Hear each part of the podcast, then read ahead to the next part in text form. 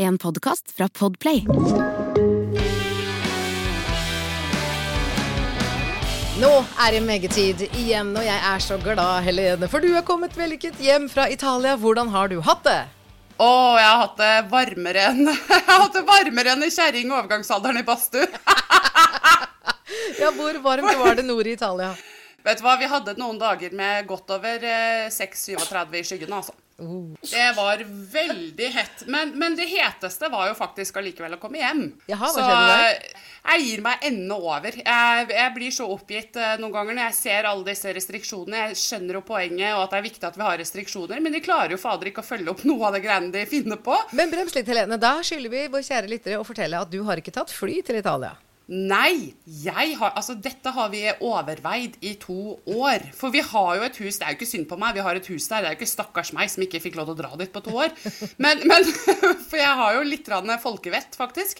Helt fram til eh, to dager før vi skulle reise, så var vi ikke 100% sikre. For det siste som måtte liksom eh, tikke inn, det var at jeg eh, fikk eh, mitt koronapass grønt. Ja. For, for dette har vi vært veldig nøye med. Og vi har fulgt smittekart og alle smitteråd og alle reiseregler for å forsikre oss om at alle land vi skal kjøre gjennom, er eh, grønne. For du Og så har vi- kjører bil til Italia. Jeg kjører bil til Italia. Og, og, vi har, og da hadde vi til og med altså, planlagt det sånn at i Sverige og Danmark går vi i hvert fall ikke ut av bilen. Nei. Men i Tyskland, hvis du har vært på bilferie i Tyskland, så, så vet du én ting, og det er at tyskere er verdensmestere på å tilrettelegge for alle bilister, om du er yrkessjåfør eller på tur. Og der har de sånne servicestasjoner hvor de, i hvert fall de siste 15 årene som vi har reist, allerede hadde toaletter som spriter seg selv etter hvert besøk. Og, og dette er jo helt gull nå, når man er så redd for smitte, at man liksom føler at det er bedre å la ungene tisse i en hekk med brennesler enn å gå på et offentlig toalett. Så Tyskland var safe, og vi skal jo bare Altså, Sveits tar tre timer, og så er vi jo i Nord-Italia, ikke sant. Så det, jeg følte at vi var veldig flinke og overholdt alle restriksjoner. Kjempenøye når vi var i Italia. Vi levde som om vi var i karantene. Vi var bare lykkelige for å være der i huset vårt. Eh, og er like flinke når vi kjører hjem. Og så kommer vi til Svinesund. Ja. ja. Hva skjer på Svinesund? Ja, du, du vet, det er da man blir sittende med, med et bilde av en uh, småpsykotisk, gjennomsvett kjerring i overgangsalderen i en badstue. Det var én milliard varmegrader. Eh, og så er det to merka filer mot grensen, og her mener folk at de skjønner ikke hvordan de skal kjøre her. Er, på den ene siden så er det en rød prikk og bilde av lastebil, og på den andre siden så er det en grønn prikk. Nei, jeg skjønner det- ikke noe. Nei, dette skjønner vi ikke noe. Så, så det var irritasjonsmoment nummer én. Ja. Vi sto i den grønne køen og så på alle som sneik. For hver eneste lastebil så var det 15 personbiler med hele bagasjeluka fullt av dasspapir. Altså, hallo. Det, dette er sniking. Og det var sånn at ungene i baksetet reagerte. Til og med de forsto at dette er jo riv ruskende gærent. Ja, men barn er en stor rettferdighetstrang, så de reagerer ofte før de voksne, de. Ja, ikke sant? Og, og det verste av alt var jo at eh, vi jo måtte åpne vinduene, for det var jo ikke noe vits å bruke aircondition eh, når vi sto stille i den varmen, så vi måtte åpne vinduene for å få litt luft, og da sitter jo ungene i baksetet, og så roper de 'Nei, gud, se på den sniken!' og da måtte jeg bare Dere, alle har bilvinduene åpne nå. ja. og køen går sakte. Men, kanskje det eh, er greit å si ifra i sånne tilfeller, og særlig hvis man er søte barn, så kan man si ifra. Ja. Se, han sniker! Ja, ikke sant? Så Uansett så tror jeg alle i den køen var forslappet og slåss, så jeg tror ikke det var så farlig. Men når, eh, etter å ha gått en stund, så, så ble det jo ganske tydelig at det er helt uforsvarlig eh, å ha mennesker sittende i bil på den måten der. Eh, noe jeg hadde lyst til å gi uttrykk for når vi kom til kontrollposten. Men Ja, da mista tok det Helene? Hvor mange vi, eh, Det var drøye to timer, tenker jeg. Oi, oi. Så kommer vi til kontrollposten, og da mista jeg fatningen fullstendig og brøt ut i en sånn småpsykotisk latterkrampe. For på asfalten der så står det en svær kanne. Jeg har jo vok vokst opp med at det der er spritdunken på han far, men dette var en vannkanne. Eh, og et, en stabel med pappbeger ved siden av. Eh, så jeg bare Og så tenkte jeg, altså Det er altså det er to alternativer, og begge er like ille. Eh, står vi her nå i en helvetes kø pga. en pandemi, og så har de satt fram én vannkanne og en haug med pappbeger til folk som frykter å dø av dehydrering, uten hansker, sprit eller noen verdens ting. Det, altså, det finnes jo ikke noe mer ironisk i verden enn Nei. akkurat det. Alternativ nummer to er jo selvfølgelig at tollerne skal stå der og drikke vann for å irritere de som er dumme nok til å dra på harrytur. Jeg vet ikke. Og jeg fant ikke ut av det. Hva var greia? Nei, vi ble bare vinka videre. Ok. Så jeg fikk Jeg har Jeg, jeg slet Altså var så nervøs for at ikke alt skulle gå i boks før denne turen. Eh, og var så glad når jeg fikk det der forbanna grønne koronapasset. Og jeg har ikke vist det fram til et eneste menneske. Nei, tenk det. Ikke på en eneste grenseovergang har vi blitt stoppa og bedt om å vise fram noen verdens ting. Så ja, jeg syns jo det er påfallende. Burde det ha vært bedre kontroll? Vet du hva, jeg, jeg syns det her er helt Jeg syns det er pinlig at, eh, at eh, regjeringen satt og så helt uh, tullerusk ut når pandemien kom og Mm. var helt uten Vi hadde ikke hansker, vi hadde ikke munnbind, vi hadde ikke sprit, vi hadde ikke verneutstyr. Og det var liksom det. Et, av, et av verdens rikeste land som måtte være Altså, Det er sånn som de gjør på bordellene i Brasil, at de bruker ting av gummi tre og fire ganger. Jeg mener, Vi gjør ikke Vi skal ikke være nødt til å gjøre det på institusjoner i Norge, syns jeg. det var så lite munnbind at man måtte gå med det samme både fire og fem timer, og det var over det som var anbefalt lengde. Ja, For det første så er det uforsvarlig overfor den ansatte. Altså I løpet av en fire timers vakt i varmen så bør du i det minste kunne få lov til å ta deg noe å drikke. Og reglene sier at har du tatt på munnbindet, så må du kaste det. Punktum. Så det er helt idioti, og det er heller ikke riktig bruk av munnbind å, å bruke det så lenge av gangen. Så det her er bare tøv. Men at de fremdeles, etter så mange et- Etter to år da, med dette her, eh, fremdeles ikke har klart eh, å løse hvordan de skal kontrollere folk på grensene, det begriper jeg ikke. Det er andre land med mindre ressurser og mer trafikk som har klart det. Jeg, jeg bare, bare forstår det ikke. Jeg, det, det er flaut. Det er sånn, jeg bare tenker, jeg, Kunne disse politikerne egentlig vært egnet til å slippe ut kuer på vårbeite en gang? Jeg bare, Nei, jeg tror ikke det, altså. Han kan det blitt fullt kaos, det. Jeg, da, vet du hva, Da hadde det blitt totalt Det hadde blitt kugalskap på høyt nivå. Men, men hvem er det som beslutter? Er det tollvesenet, eller er dette politisk bestemt hvordan dette her skal gjennomføres? Det Det høres det det, ut som det er dårlig kontroll i etaten.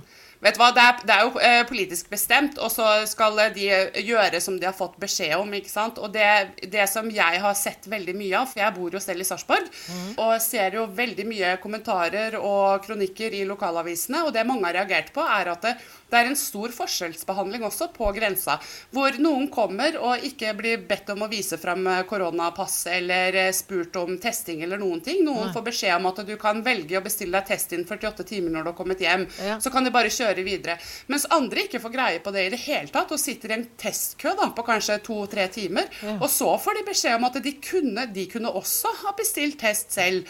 Så det er altså Tollerne, eh, Hver enkelt toller da, virker som at de ikke er like konsekvente, og at de kanskje ikke alle sammen har forstått de samme reglene på samme måte. Så det er litt sånn hipp som haps hva som skjer, da. Når du kommer dit. Eh, Jeg syns det er flaut, for vi er ikke så store. Den nasjonen her er ikke så svær, da, som politikerne innbiller seg. Altså, dette kunne vi løst på en mye mer smidig måte. Det kan hende at noen både i etaten og i politikken hadde godt av et møte med, heit, eh, med en heit mamma i sommertemperatur som kunne lekse opp for dem. Og hvis ikke, så burde de høre på Meggene. For dette, Helene, nå har du fått sagt det i klartekst. Ja, og jeg, bare, jeg syns det er flaut. Jeg syns det er pinlig. Vi klarer det- klarer bedre enn det her.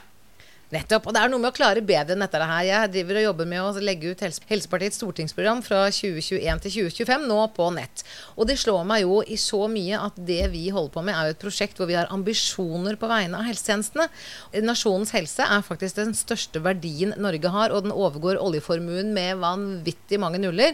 Ikke sant? Så når ikke vi har en regjering som klarer å ivareta befolkningens helse, så står vi og sløser enormt med livskvalitet, enormt med eh, arbeidskraft, enormt med produksjon, enormt med kroner.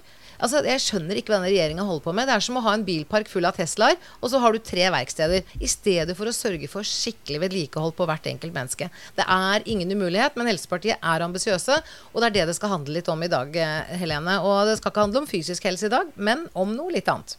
Ja, i dag skal det handle om eh, psykisk helse. Og det er jo litt sånn som du sier, da. fordi det er jo Psykologiforeningen eh, sier jo det at det er anslagsvis 900 000 av de som står utenfor arbeidslivet, gjør det pga. psykiske helseplager. Hmm, så mange. Og, så, ja, så der snakker du om en ganske stor eh, bilpark med ressurser som aldri blir brukt, fordi at vi har bare tre verksteder, og ett av dem er kanskje ikke godkjent engang.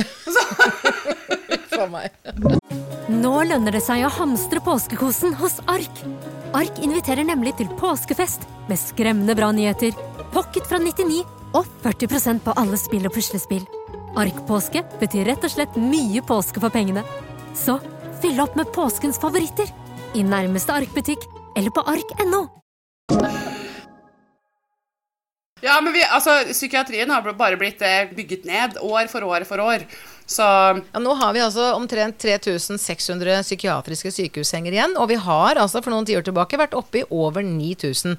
Og befolkningen bare øker og øker, mens kapasiteten i psykisk og fysisk helsetjeneste, den kutter og kutter og kutter vi. Er det virkelig dette velgerne vil ha? Jeg må si jeg spør meg det, altså. Og hvis de ikke vil ha det, så har media ikke gjort jobben sin med å opplyse folk om hva som er i ferd med å skje. Jo, noe av det som, som jeg syns er ekstra vanskelig, det er jo det at det er barn som lider fryktelig mye av at det er så veldig dårlig kapasitet. Og det er eh, Psykologforeningen mener at det er ca. mellom 7 og 8% av barn mellom 3 og 18 år har en psykisk lidelse som bør behandles. Det betyr at disse barna ikke er i behandling, og kanskje heller ikke har fått tilbud om behandling. Og dette har jeg jo opplevd Noen er vel i behandling. Noen er helt sikkert i behandling, men, men når man snakker om psykiske lidelser, så snakker man om angst ikke sant? og stresslidelser og depresjoner. Og så må vi også Ja, ikke sant. Og ADHD, ADD. Det er veldig mange lidelser som rammer kanskje spesielt unge barn. Og så er det også en veldig sårbar gruppe. Vi har jo en spiseforstyrrelser, f.eks. Mm. Og så er det jo også en del barn som er utsatt for traumer eller overgrep, eller rett og slett har en oppvekst som er så grusom at man ikke kan kalle det noe annet enn et traume som bør behandles. Og det er ikke kapasitet til å hjelpe disse barna. Og én ting som er helt bombesikkert, det er at når du vokser opp med psykiske helseutfordringer, så er det noe du tar med deg videre i det voksne liv. Og hvordan er kapasiteten for de voksne i psykiatrien? Ja, den er akkurat like dårlig! Ja, om, altså jeg vet ikke om det finnes enda færre tilbud for barn, men det går feil vei. Det kuttes og kuttes. Og nettopp øh, psykiatri og hvordan belastede barn blir sykere ungdommer og enda sykere voksne. Det er faktisk akkurat det det skal handle om når Helsepartiet i morgen har en sending med professor Anna Louise Kirkeengen. Og vi har andre også fagfolk med fra ulike felter som skal snakke om nettopp hvordan psykiatrien Altså hvordan grunnlaget legges, og hvordan det kan utvikle seg til sykdom. Noe psykiatri er arvelig, annet får anlegg til å blomstre, avhengig av de omgivelsene man lever i. Så på YouTube mm. må man eh, Altså i etterkant av direktesendingen på Facebook i morgen, så ligger den også på YouTube, så det er bare å søke opp Helsepartiets web-TV, psykiatri. Og det er jo mulig å gjøre noe med dette her. Selvfølgelig kan man gjøre noe med det. Man er, man er jo nødt til å rett og slett eh, satse på det, men man må satse på ordentlig. Ikke gjøre sånn som politikerne gjør i dag. For, for jeg har jo gått gjennom artikler i forkant av denne poden her. Jeg prøver å eh, være minst like smart som deg noen ganger. Og Det skal ikke mye til. Men eh, det jeg har sett, er jo det at eh, interessen for, eh, for psykiatrien da, og opprustning i psykiatrien og de fagre løftene, de kommer med sånn fireårsintervaller. Eh, til, tilfeldigvis da, så henger dette sammen med stortingsvalg. Ja. Eh, og og i, i årene imellom så, så bygger det ned. Så de samme politikerne som står og lover og sier at ja, hvis, jeg, hvis dere stemmer inn meg, så skal jeg jobbe for ditt og datt og bla, bla, bla, det er de samme menneskene som sitter og stemmer for å legge ned tilbud, eller sier nei til å bygge ut et tilbud, Ja. eller rett og slett bare tar penger fra barne- og ungdomspsykiatri for å bruke på noe annet. Og, det, og dette er sånn som kommuner veldig ofte opererer, at når de har fått en kjempeutgift de ikke var forberedt på, så tar de penger enten fra eldreomsorgen eller fra barn og unge. Det er bare sånn de gjør det. Og det er fordi at det kanskje er de som får protestert minst. Det er vel akkurat det Ja, at ja. de svakeste gruppene er vel lettest å ta, men altså det er et samfunn Ja. hvor vi sparker nedover og sleiker oppover, det er så usympatisk at det er jeg bare ikke med på. Nei. Og så syns jeg også Jeg, altså, synes at den arrogansen er helt ekstrem. Jeg, kjenner, jeg blir helt kokerasende av å tenke på det noen ganger. Jeg har jo jobba mange år i eh, hjemmesykepleien, og en del av eh, psykiatrien eh, er jo også Altså rusomsorg og psykiatri går ofte hånd i hånd, ikke sant. Og det er det jo en grunn til. Og det som, som jeg har bitt meg merke i, det er at det, så godt som 100% av alle rusmisbrukere som jeg har vært i kontakt med, det første og sterkeste inntrykket jeg får av dem, det er at det, grunnen til at de har falt ut i rus, er fordi at de har selvmedisinert i mangel på behandling fra helsevesenet.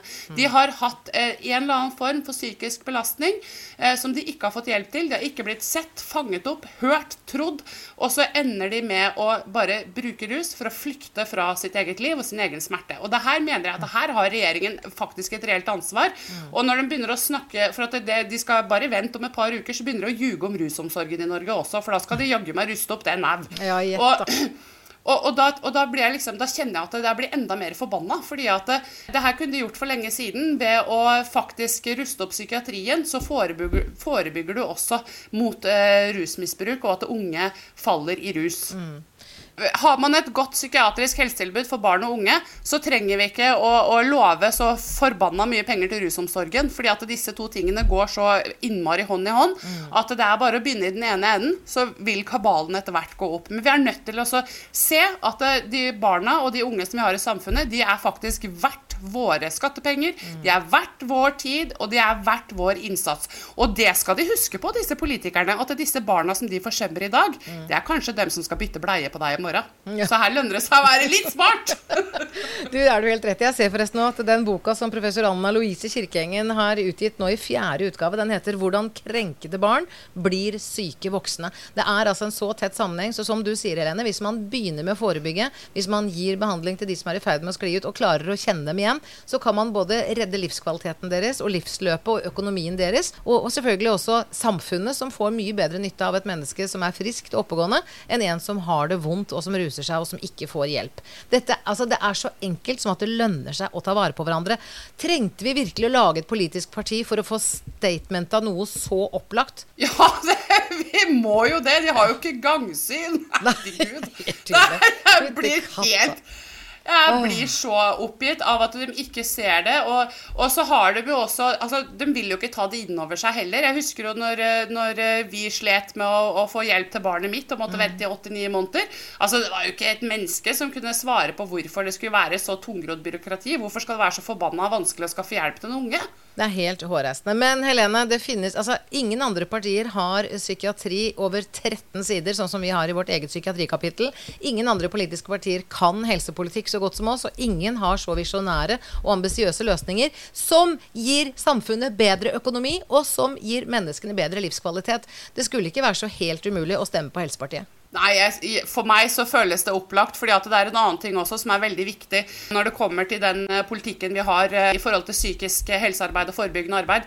Og det er jo at det, Den politikken er jo skrevet av ansatte i helsevesenet. Mennesker som har erfaring med psykisk helsearbeid eller den totale mangelen på psykisk helsehjelp. Det er jo mennesker som har gått i skoa på gulvet og ser hvor det er feil og mangler. Som ser hvor vi trenger å sette inn eh, ressursene. Men Og- og- også og ja, pasienter, og også pårørende. ja, pasienter og pårørende. Så det er et sammensatt bilde som, som, er, som gir et mer reelt bilde av virkeligheten. Og derfor så mener jeg også at det er, det er mye lettere for oss å løse det enn det er for andre som ikke har et klart bilde av eh, hvor skoen trykker. Men det mener jeg at det har Helsepartiet, og det er derfor politikken vår er god, og det er derfor den vil fungere.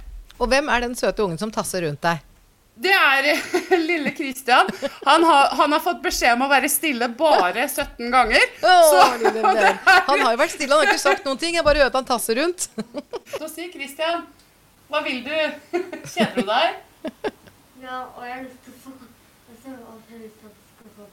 Oh. ja. ja. Mamma skal bare vet du hva, Christian? Mamma skal bare gjøre ferdig dette. Så hvis du er stille i ti minutter til, så er jeg all yours. OK? Ok. Deal. Deal. Han er blitt så flink til å snakke engelsk. Åtte år gammel. Ja, jeg har snakka engelsk med ungene mine hjemme alltid, jeg. Ja. for at de ja, for jeg, når jeg gikk på skolen, så var jeg veldig glad i engelsk, men jeg var så sjenert. Så jeg, jeg var så redd for engelsktimene, og jeg er så lei meg for at det ødela den gleden ved å lære språket. Så, så det har jeg gjort med alle barna mine. Hatt eh, engelsk som en del av eh, språket. Men nå har jo eh, YouTube og Roblox og alle disse spillene tatt over den rollen, så nå er det jo barn som snakker mer engelsk enn norsk. Nå begynner det faktisk å bli et problem, da. Så, Det er ikke et problem, Men, hva sier du, Linnea? Det er ikke et problem. Nei, Linnea skjønner ikke at det er et problem. Det er ikke noe problem å snakke to språk. Hallo. Nei, det er jo faktisk en utrolig fin ting å ha med seg i livet. Men når dere var i Italia hele gjengen, da, snakker dere noe italiano? Nei, jeg, jeg- kan det aller, aller viktigste. Jeg kan si mamma desperata og birra fresca. Hva sa du, Linnea? Det eneste jeg kan si, er at de har litt problemer med å type norsk. Ja, Li- Linnea sliter med å skrive norsk. Ja, type, ja, nettopp. Ja, du skjønner. Dette går, ja, det er- De er flerspråklige allerede, tenk det. Du, hils de skjønne barna, Helene. Jeg tror vi skal i gang med Ørlit Fredrikstad og gjøre et valgkamp ganske straks, jeg. Ja, ja, i hvert fall på lørdag, så da skal vi eh, kose oss rundt omkring, i hvert fall i gamlebyen i Fredrikstad og i Fredrikstad sentrum. Herlig, jeg gleder meg. Så Da skal vi frese rundt i våre knalloransje skjorter og være Meggene så det holder. Da skal Fredrikstad få møte Helsemeggene sammen. Ja, det blir eksplosivt! Og det er, finnes ikke en eneste feriediaré som kan matche det.